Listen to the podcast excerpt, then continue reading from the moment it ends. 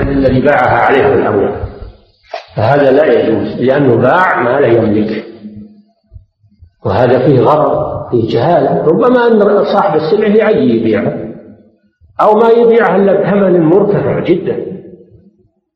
يتضرر البائع. أو يبيعها بثمن رخيص ويتضرر المشتري. يقول لو دريت أنا رحت شريتها النبات الرأس هذا. يحصل الندامة ويحصل وقد قال النبي صلى الله عليه وسلم لحكيم الالتزام كما يأتي لا تبع ما ليس عندك. والآن يعملون على العمل. يروح لمحل التقسيط ولا محل البنك ولا غيره من المؤسسات ويتعاقدون على على أرض معينة أو عمارة معينة أو سيارة معينة ويتممون العقد والمواصفات ويوقع الطرفان ثم يروح البائع ويشتريها ويسلمها للمشتري. هذا باع ما ليس عنده وهو حرام والعقد باطل. العقد باطل. نعم. يقول له رح يجي المحتاج لما صاحب المحل اللي يداين الناس؟ ويقول صاحب المحل رح أي أرض ترضيك أو أي سيارة ترضيك أو أي شيء يرضيك عند الناس؟ بس جيب لي قيمته تحديد قيمته وأنا أشتريه وأبيعه وأسلمه لك. أشتريه وأسلمه لك لكن تعال. لا أنا خاف تهون خاف يبدي لك. تعال نكتب عليك وثيقة وعقد. وتسلم لي الثمن أو بعض الثمن خاف تهون فهو ما يروح يشتري السلعة إلا بعد ما يثبتها على المشتري قبل أن يملكها. وهذا بيع باطل والعياذ بالله. بيع ما لا يملك. أما لو كانت السلع موجودة يعني صاحب المحل أو عند المؤسسة السيارات موجودة الأراضي موجودة العمارات موجودة فلا بأس أن يبيع على من جاءه بثمن حال أو بثمن مؤكد لأنه باع شيئا يملكه وقت العقد. نعم. ولا ينفع قولهم هذا وعد بالبيع وهذا آمر بالبيع وما أشبه ذلك من الكلام الفاضي. هذا ما كله ما له قيمة. كله ما له قيمة. الرسول صلى الله عليه وسلم يقول لا تبع ما ليس عندك وقت العقد. إن كان الشيء اللي تريد بيعه وقت العقد عندك يعني في ملكك ولا أنك تبيع شيء ما بعد استوليت عليه ولا بعد حصلت عليه هذا لا يجوز. هذا بيع باطل. نعم.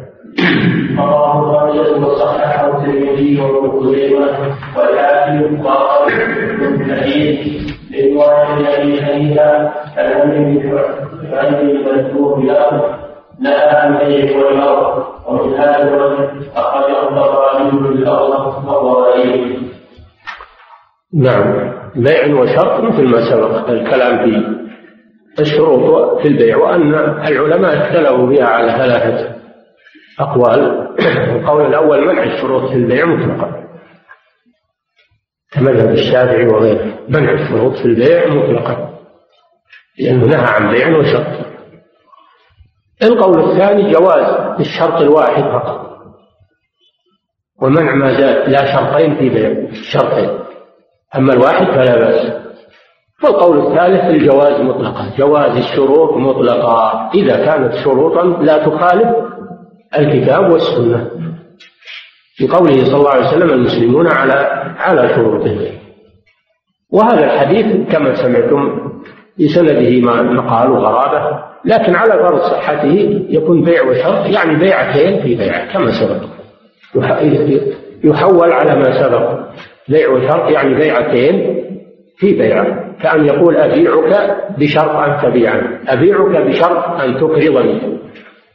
هذا معنى بيع وشرط نعم. أو أو بيع العينة أبيع بثمن مؤجل بشرط أنك تبيعها علي بثمن حال أقل من المؤجل. بيع العينة هذا بيع وشرط نعم. وعن رضي الله عنه قال يا رسول الله صلى الله عليه وسلم عن بيع العرف نعم. رواه نعم نهى.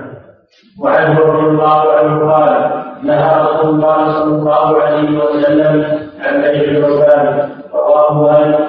قال بلغ من عن شعيب هذا الحديث ضعيف. نهى عن بيع العربان أو العربون أو الأربون ومعناه أن يبيع السلعة ويجعل الخيار للمشتري. لكن يقول بشرط أنك تسلم لي قسط. من الثمن. فإن عزمت على البيع كمل لي الثمن. وما عزمت على البيع فالذي أعطيتني يكون لي. في مقابل ما أنك حبست سلعتي مدة أيام وفوت علي الزباين أنا آخذ هذا المبلغ. إذا تنازلت عن الشراء أنا آخذ هذا المبلغ في مقابل ما حصل عليه من الضرر. هذا بيع العروض. وقد اختلف العلماء. الحديث الوارد فيه لا يعتمد عليه. وقد اختلف العلماء في جوازه. عند الإمام أحمد رحمه الله أنه جائز. بيع العربون جائز. لأنه لا دليل على المنع. لا دليل ليس فيه دليل صحيح على المنع. ولأن عمر اشترى بالعربون.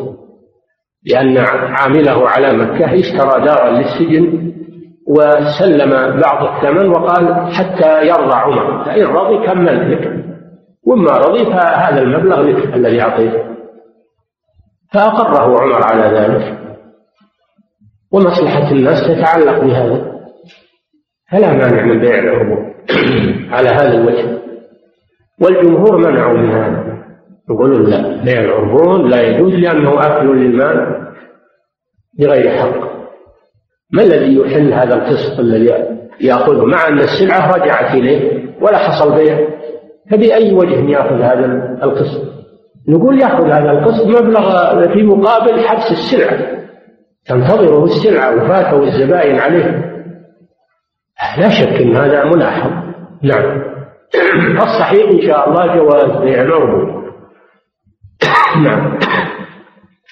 وعن ابن عمر رضي الله عنه قال كتبت ليله في السوق فلما استوجبته لقيني رجل فاعطاني فيه ربحا حسنا فاردت أن اضرب ذلك الرجل. فأخذ رجل من خلفي بذراعي فذهبت فإذا بن ثابت فقال لا تبعه حيث تحته حتى تحدثه إلى رحمه فان رسول الله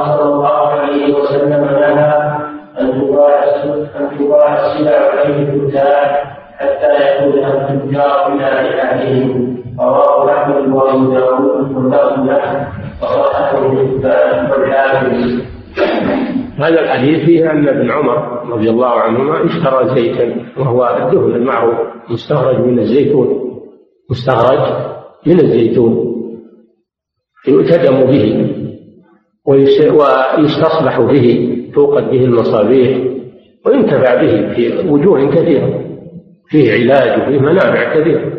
زيت الزيتون من أحسن آه، الأدوية ومن أحسن الأدم شجرة مباركة كما قال الله سبحانه وتعالى. شجرة مباركة. وشجرة تخرج من طول سيناء تنبت بالدهن وصبغ للآكلين. ففيها منافع. فابن عمر شرى هذا الزيت. وبعد ما شراه جاء واحد وأغراه بأن يشتريه منه بربح فأراد أن يبيعه. فبينما هو كذلك إذا بزيد بن ثابت رضي الله عنه يأخذ بذراعه وينهاه عن بيعه حتى يحوزه إلى رحله ويذكر له حديث الرسول صلى الله عليه وسلم نهى أن تباع السلع حيث تبتاع يعني حيث تشترى الابتياع معناه الاشتراء حتى يحوزها التجار إلى رحالهم يعني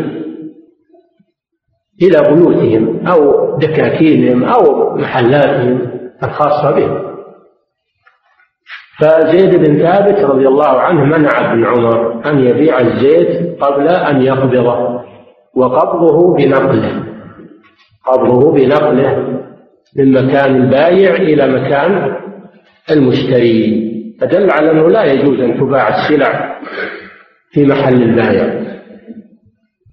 لأنها لم تقبض وقد مر بنا قريبا نهى عن ربح ما لم يغمى يعني ما لم يقبض كما يفعله بعض المعارض معارض السيارات اليوم يبيعون السيارات ويشرونها ويبيعونها ويشرونها ويبيعونها ويشرونها وما برحت مكانها. أو كذلك السلع التي تدين على الناس ما يسمى بالدين أو الغايبة تباع عدة بيعات وهي ما حركت من مكانها تعاقب عليها الزبائن وهي في مكان هذا لا يجوز. فمن اشترى شيئا فإنه لا يجوز له بيعه حتى ينقله. سيارة دابة طعام آه، قماش أي شيء ينقل لا يجوز بيعه حتى ينقله المشتري إلى محله. حتى تتم سيطرته عليه وتنقطع سيطرة البائع عليه. يقبضه قبضا تاما.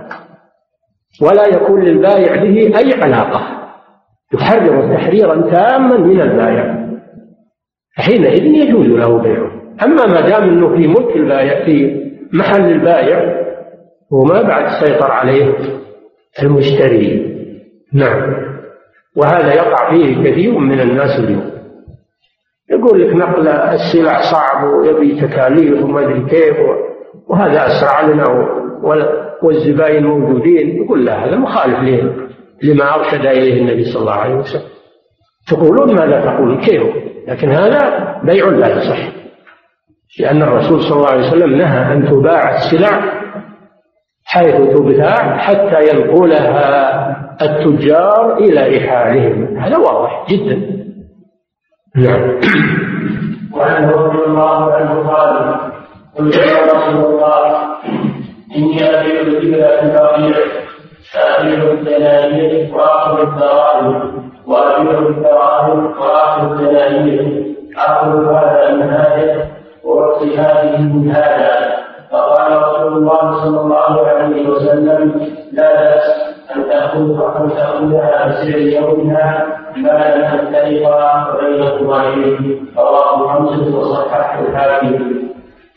هذا ابن عمر رضي الله عنه أيضا كان يبيع الإبل في البقيع. البقيع اسم معروف قريب من المسجد النبوي تحول فيما بعد إلى مقبرة. إلى مقبرة البقيع وكان قبل أن يكون مقبرة كان محل بيع الإبل. وقيل النقيع بالنون. النقيع بالنون وهو اسم موضع آخر يبعد عن المدينة بقليل. سمي النقيع لأنه تتجمع فيه السيول. وهو قسمان. نقيع الخضمات ونقيع آخر. هو المراد به ما تتجمع فيه السيول سمي نقيعا. ففي فرق بين النقيع بالنون والبقيع بالباء. وابن عمر ذكر البقيع بهذا وهذا قبل أن يتحول إلى مقبرة. كان ابن عمر رضي الله عنه يبيع الإبل بالذهب وهي النقود من يبيع يبيع الإبل بالدنانير وهي النقود من الذهب. ويكون له في ذمة المشتري ذهب.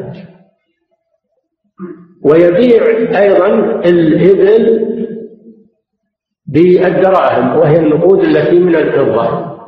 فيكون له في ذمة المشتري دراهم. قبل أن يستلمها من البائع قبل أن يستلم الذهب أو الفضة من البائع يتصارفان. يتصارفان. يقول أعطني بدل الذهب أعطني دراهم. أو بالعكس أعطني بدل الدراهم ذهب. هذا يسمى بالمصارفة. بيع النقد بالنقد يسمى المصارفة أو الصرف. ويشترط فيه التقابض بين الطرفين بحيث لا يفترقان وبينهما وبينهما شيء. هذا الصرف يجوز. فإن كان الصرف إن كان الصرف بمثله فيشترط شرطان التماثل في الوزن كالذهب بالذهب والفضة بالفضة تساوي في الوزن والشرط الثاني التقابض في المجلس. وإن اختلف الجنس كما في حديث ابن عمر باع ذهب بفضة أو باع ذهب فضة بذهب اختلف الجنس. يجوز التفاضل ولكن يحرم تحرم النسيئة وهي التفرق قبل أن يقبض. فدل حديث ابن عمر على جواز الصرف. على جواز الصرف. لكن بشرط أن لا يتفرقا وبينهما شيء. ودل حديث ابن عمر على أن الذي في الذمة في حكم المقبوض الذي في الذمة في حكم الحاضر حكم المقبوض هذا ما دل عليه حديث ابن عمر. وأما قوله بسعر يومها هذا يقول العلماء لا مفهوم له. لأن لأنه معلوم من الأحاديث الأخرى الصحيحة أنه لا مانع من التفاضل إذا اختلف إذا اختلف الجنس. نعم. لا مانع من التفاضل إذا اختلف الجنس. بيع الذهب بالفضة أو بيع الفضة بالذهب يجوز التفاضل. وإنما يبقى شيء واحد وهو التقابض في المجلس.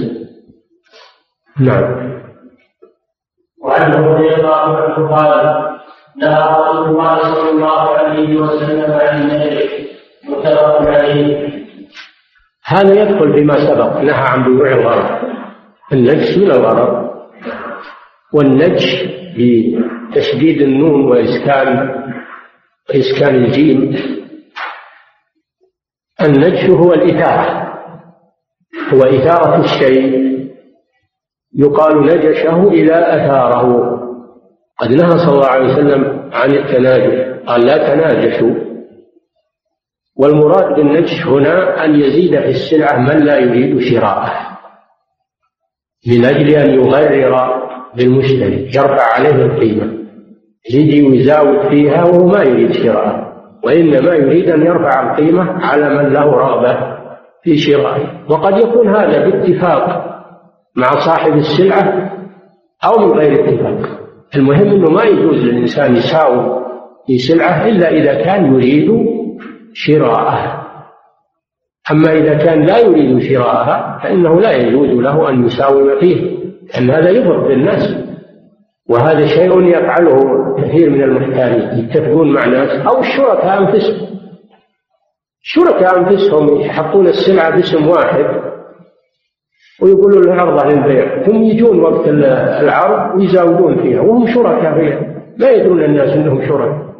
يزاودون فيها وهم لا يريدون شراء وإنما يريد رفع قيمتها على الزباين. فهذا من النجش سواء كان عن اتفاق أو كان عن غير اتفاق. فلا يجوز أن يزيد في السلعة إلا من يريد شراءها لئلا يضر بالناس لأن هذا من الغرض تغرير بالناس والعياذ بالله وأكل أموال الناس بالباطل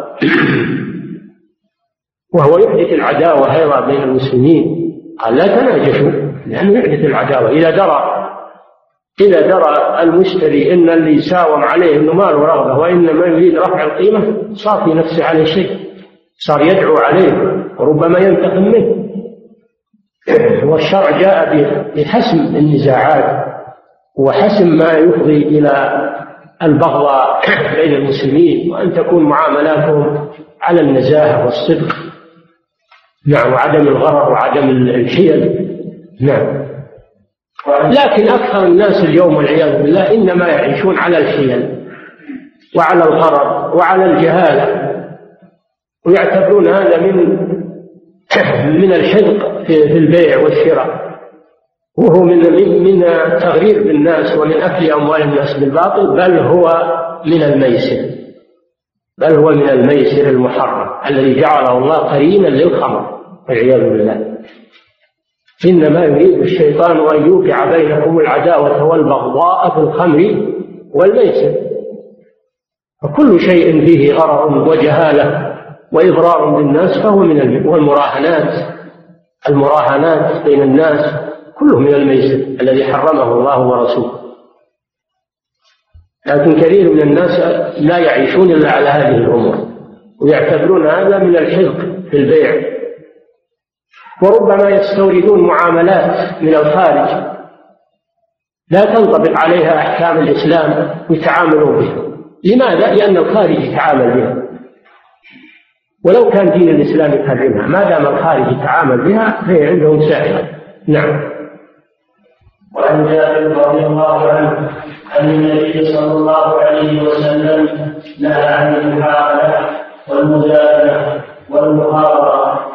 الحنين أنها تعلم رواه حمزة بن ماجه وصححه الترمذي. وعن أنس قال نهى رسول الله صلى الله عليه وسلم عن المحاقله والمقاومه والمنافسه والمنابله والمجادلة. رواه البخاري. شيء بشيء الحديث الأول.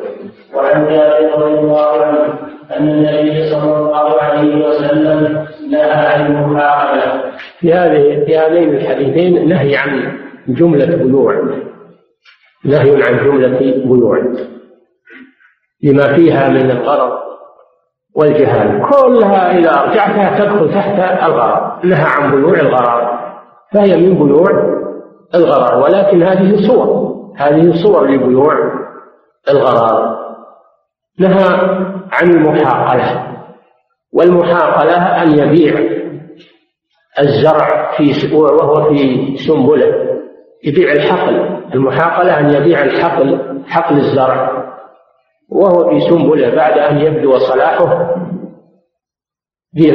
بخرصه من الطعام. خرصه من الطعام. يقول أشري منك. هذا هذا الزرع اللي الآن بدأ صلاحه أشريه منك بعشرة آلاف كيلو من الطعام. هذا ممنوع. لأنه لأن بيع الطعام بالطعام يشترط فيه التساوي. كيلا بكيل وهذا لا يعلم التساوي. والجهل بالتساوي يقولون كالعلم بالتفاضل حرام. الجهل بالتساوي كالعلم بالتفاضل حرام. نعم. هذا المحرم. أن يبيع الزرع بعد اشتداد حبه بخرصه من من الطعام لأنه مجهول التساوي والجهل بالتساوي كالعلم بالتفاضل نعم. والمزابنة بيع بيع التمر على رؤوس النخل بخرصه من التمر. بيع التمر على رؤوس النخل بخرصه من التمر كيلا. هذه المزابنة من الزبن وهو الدفع. لأن كل واحد من الطرفين يدفع الآخر عن حقه. هذا مثل المحاقلة. لا يجوز لأنه مجهول التساوي بين الثمن والمبيع وهما جنس واحد تمر بتمر. ولا يكفي الخرص في هذا لأن لأن التساوي مجهول ونهى عن بيع الطعام للطعام إلا مثلا إلا مثلا بمثل. والخرص في هذا لا يكفي لأن الجهل بالتساوي كالعلم بالتفاضل لا يجوز. نعم هذه المزابلة نعم.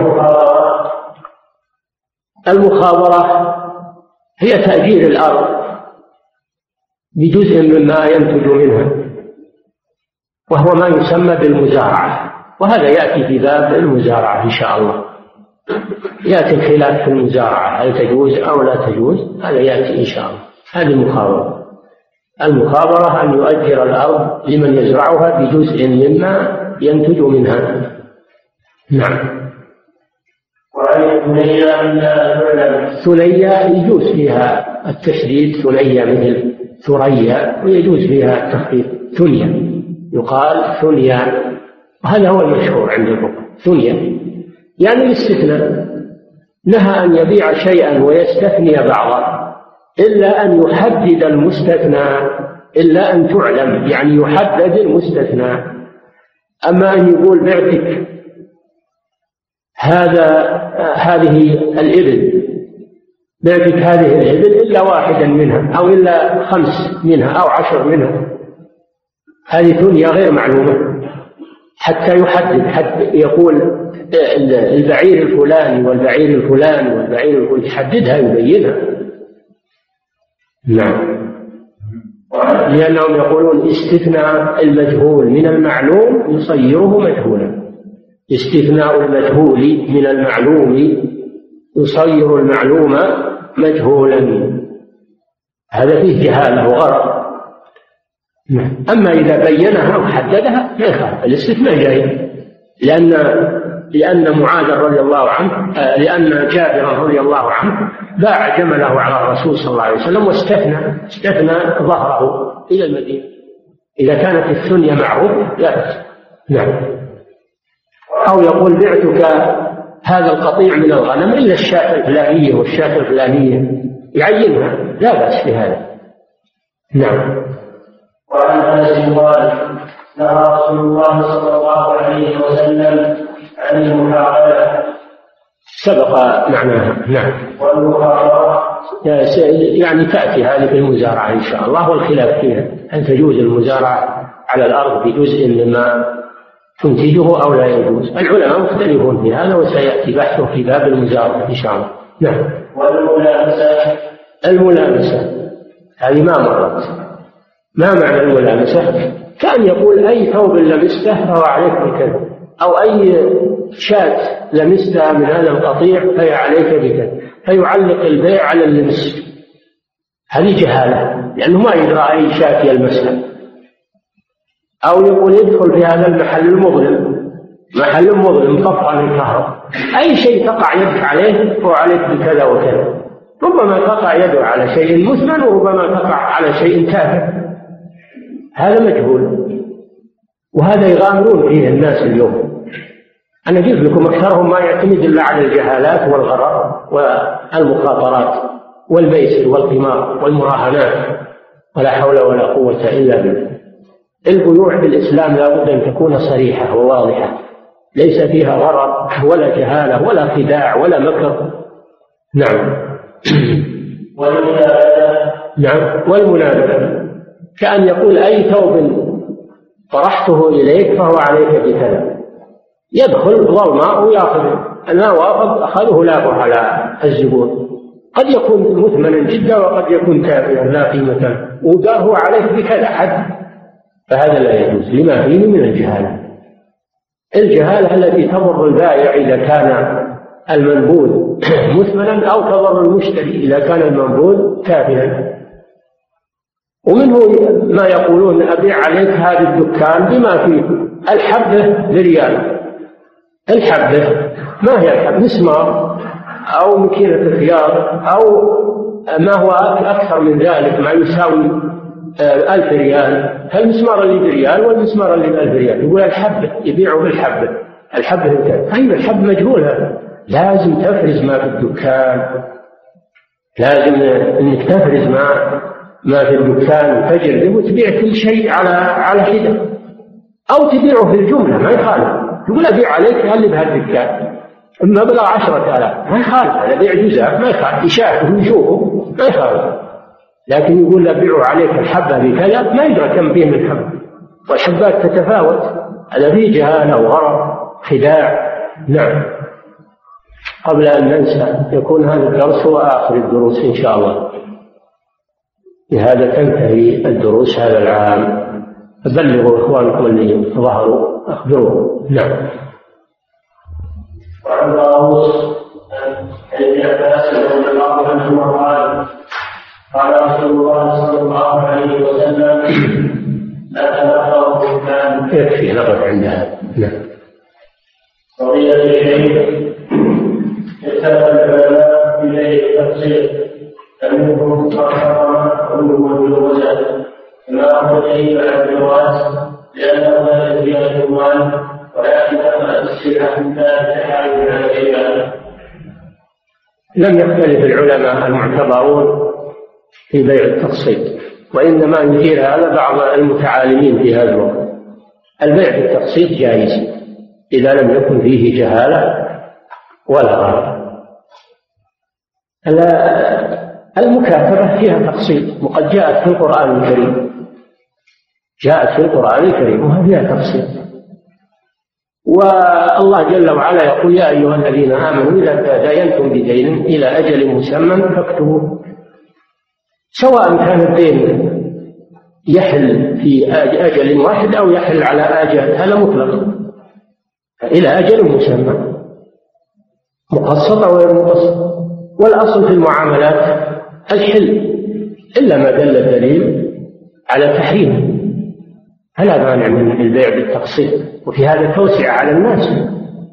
في هذا توسعة على الناس لكن بشرط كما ذكرنا له أن تكون السلع في حوزة البائع قبل أن يتعاقد مع المشتري.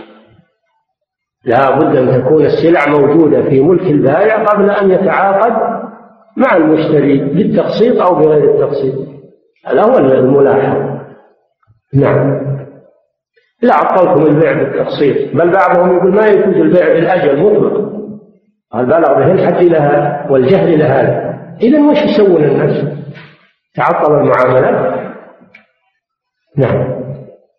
قضية الشيخ هناك بعض الشركات تقصد الغرام من البيوت ولكن المشتري هو الذي يحدد الأرض أو البيت. هذا قلنا لكم سمعتم ما يحتاج قلنا لكم يشترط أن تكون السلع أراضي أو سيارات أو غير ذلك في حوزة التاجر أو المحل.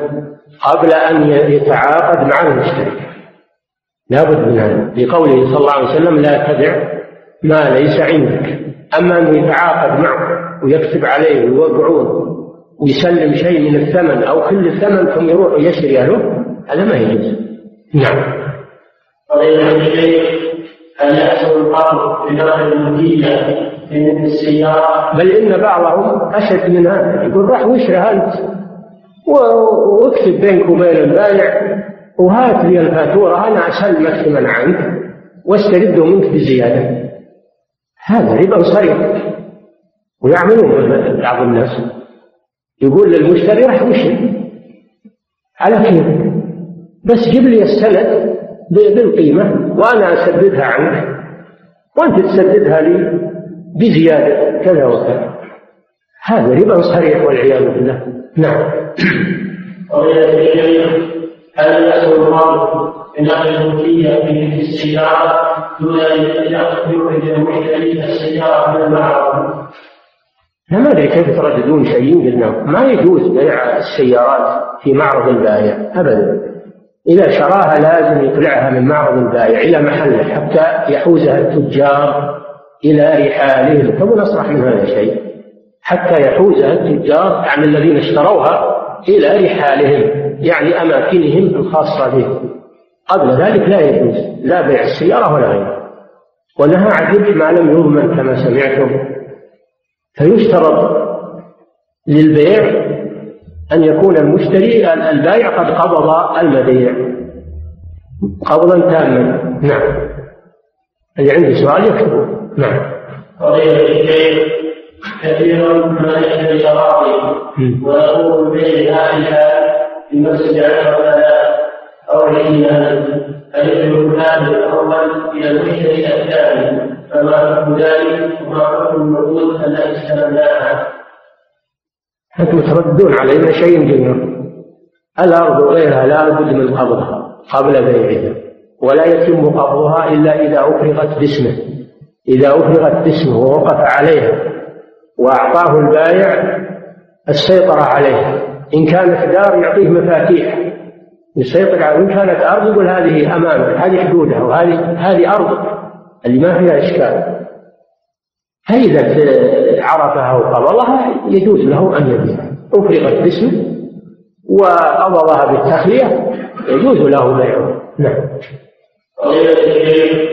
ما حكم الناس تبيع كل شيء هذا من الجهالة هذا من من من الجهل مثل قوله اشر ما بهذا الدكان الحبة بريال ويتساوى في هذا ما قيمته؟ 100 ريال وما قيمته؟ قرش وما قيمته. هذا من الجهالة والتغريب بالناس ولا يجوز أن يقول كل شيء بعشرين. هذا ما هو صحيح.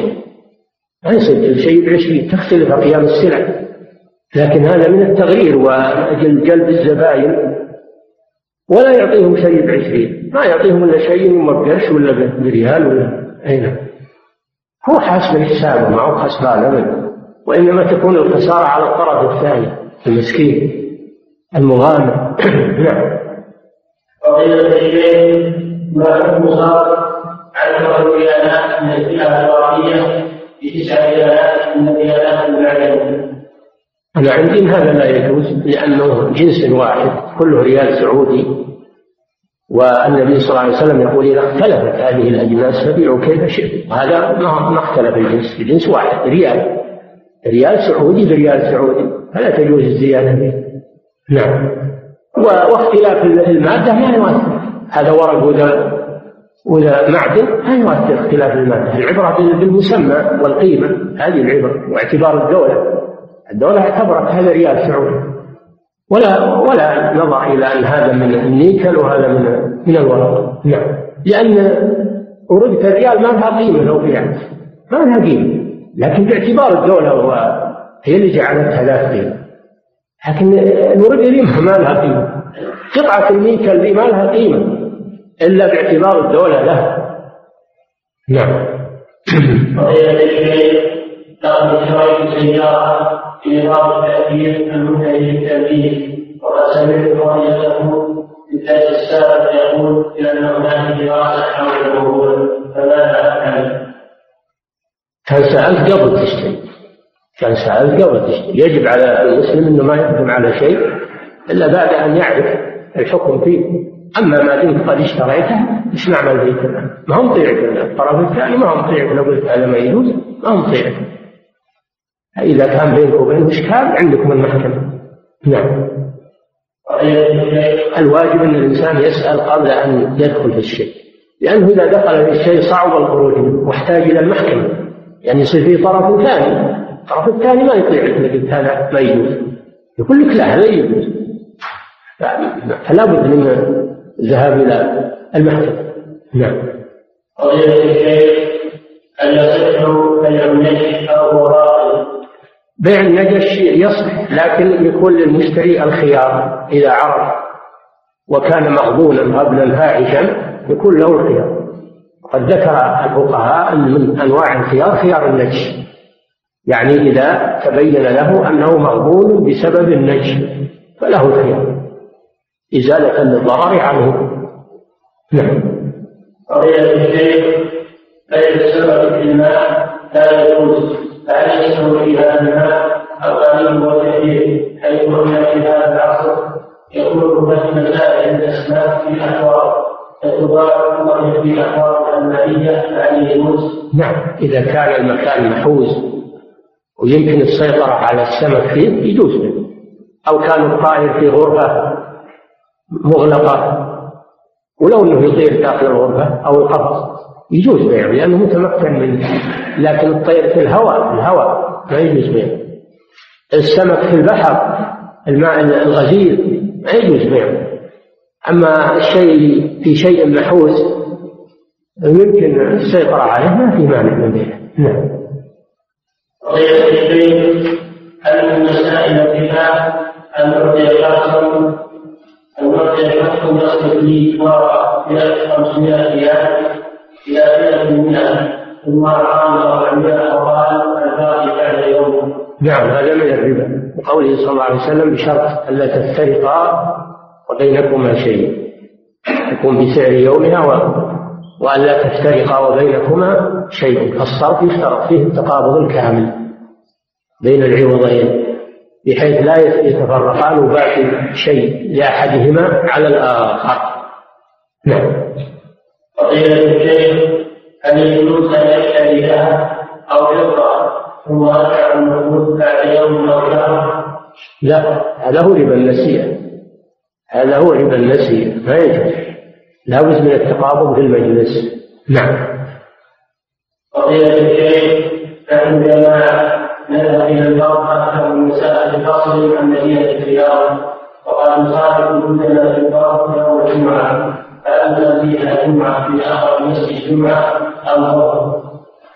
إذا كان حولكم مسجد تقام فيه الجمعة والمسافة تبلغ مسافة قصر فالأفضل أنكم تصلون مع مع المسلمين. تصلونها جمعة تذهبون إلى المسجد وتصلون مع المسلمين.